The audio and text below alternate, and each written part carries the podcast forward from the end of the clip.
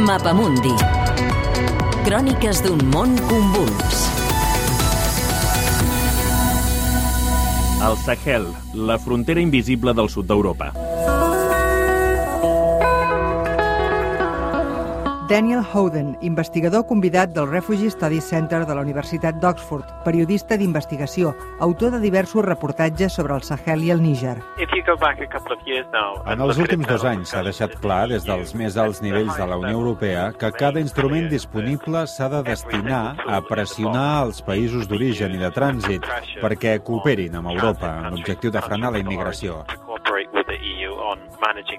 Això és el que s'està fent. Des de l'anomenada crisi dels refugiats del 2015, la Unió Europea ha impulsat un procés que s'anomena externalització de fronteres. L'externalització de fronteres, eh, primer de tot, eh, és subcontractar països tercers, pagar-los perquè exerceixin efectivament de frontera, de mur migratori o de fre migratori. Oriol Puig, això, investigador i periodista, expert en migracions africanes al Sahel i al Níger. Turquia, el Marroc i un estat fallit com Líbia ja formen part d'aquest pla però la frontera s'ha desplaçat encara més al sud, cap a l'Àfrica, al Níger. El Níger, eh, amb la caiguda de Gaddafi el 2011, assumeix el rol que anteriorment tenia el líder eh, libi i, per tant, com a encreuament migratori històric de les rutes africanes cap al nord, no només cap a Europa, diguéssim, s'erigeix com un nou pol de geoestratègic eh, importantíssim a nivell de, de, de migracions en aquest cas. Amb aquesta externalització, la Unió Europea està destinant milions d'euros a crear un mur invisible al Sahel – una frontera militaritzada a les portes del Sàhara amb què Europa pretén frenar la immigració irregular i desmantellar segura les xarxes de contraband de persones. L'estratègia que es va dibuixar a la cimera sobre immigració de la Valeta a Malta el 2015 està tenint un fort impacte. El seu epicentre és al nord del Níger, a la ciutat d'Agadez, patrimoni de la humanitat i origen i destí mil·lenari dels moviments humans i comercials a través del desert.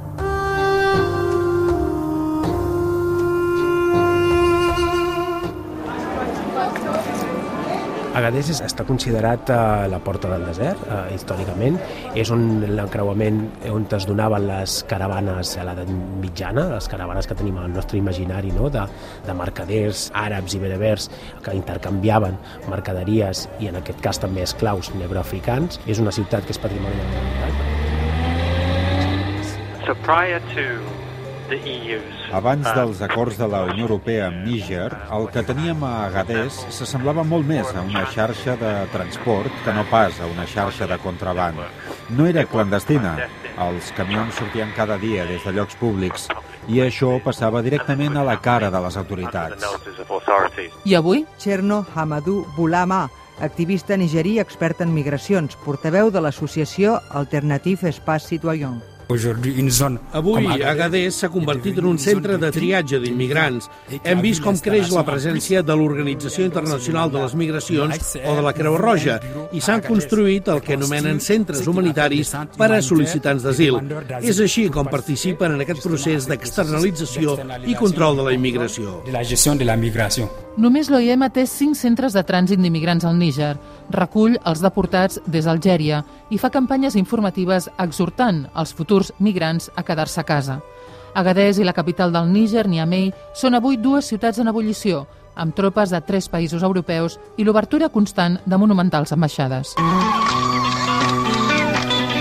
Com aconsegueix la Unió Europea que el Níger col·labori en aquesta política?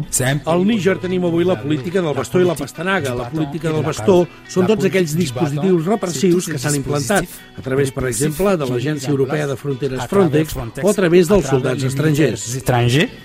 La pastanaga són els 1.000 milions d'euros que fins al 2020 Europa anirà injectant al Níger, un dels països més pobres del món.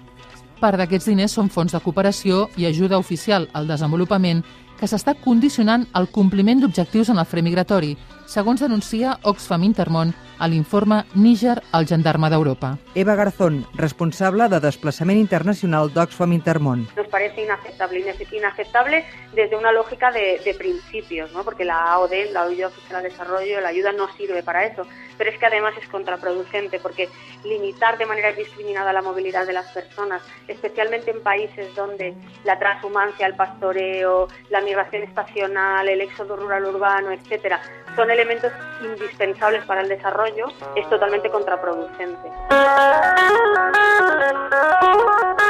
Amb aquesta estratègia de contenció, la Unió Europea i el Níger proclamen que han reduït d'un 80% les sortides de migrants des de Gadès cap al nord del continent. Però això té un preu. S'estan alterant pràctiques tradicionals de moviments i transhumància de les tribus nòmades. Les rutes pel desert s'han tornat més llargues i perilloses i mor més gent. Ho analitzarem a la segona part d'aquest reportatge. Hi ha, donc, des abus. S'estan produint abusos dels drets fonamentals. L'excepció s'ha convertit en regla. I això ha fet que avui les fronteres s'hagin convertit en una zona de conflicte i de mort. I això és el que fa que avui el Sàhara s'hagi convertit en un cementiri. El Sahara est devenu un cimetière. És un reportatge de Cèlia Cernades amb el muntatge de Jordi Galbany.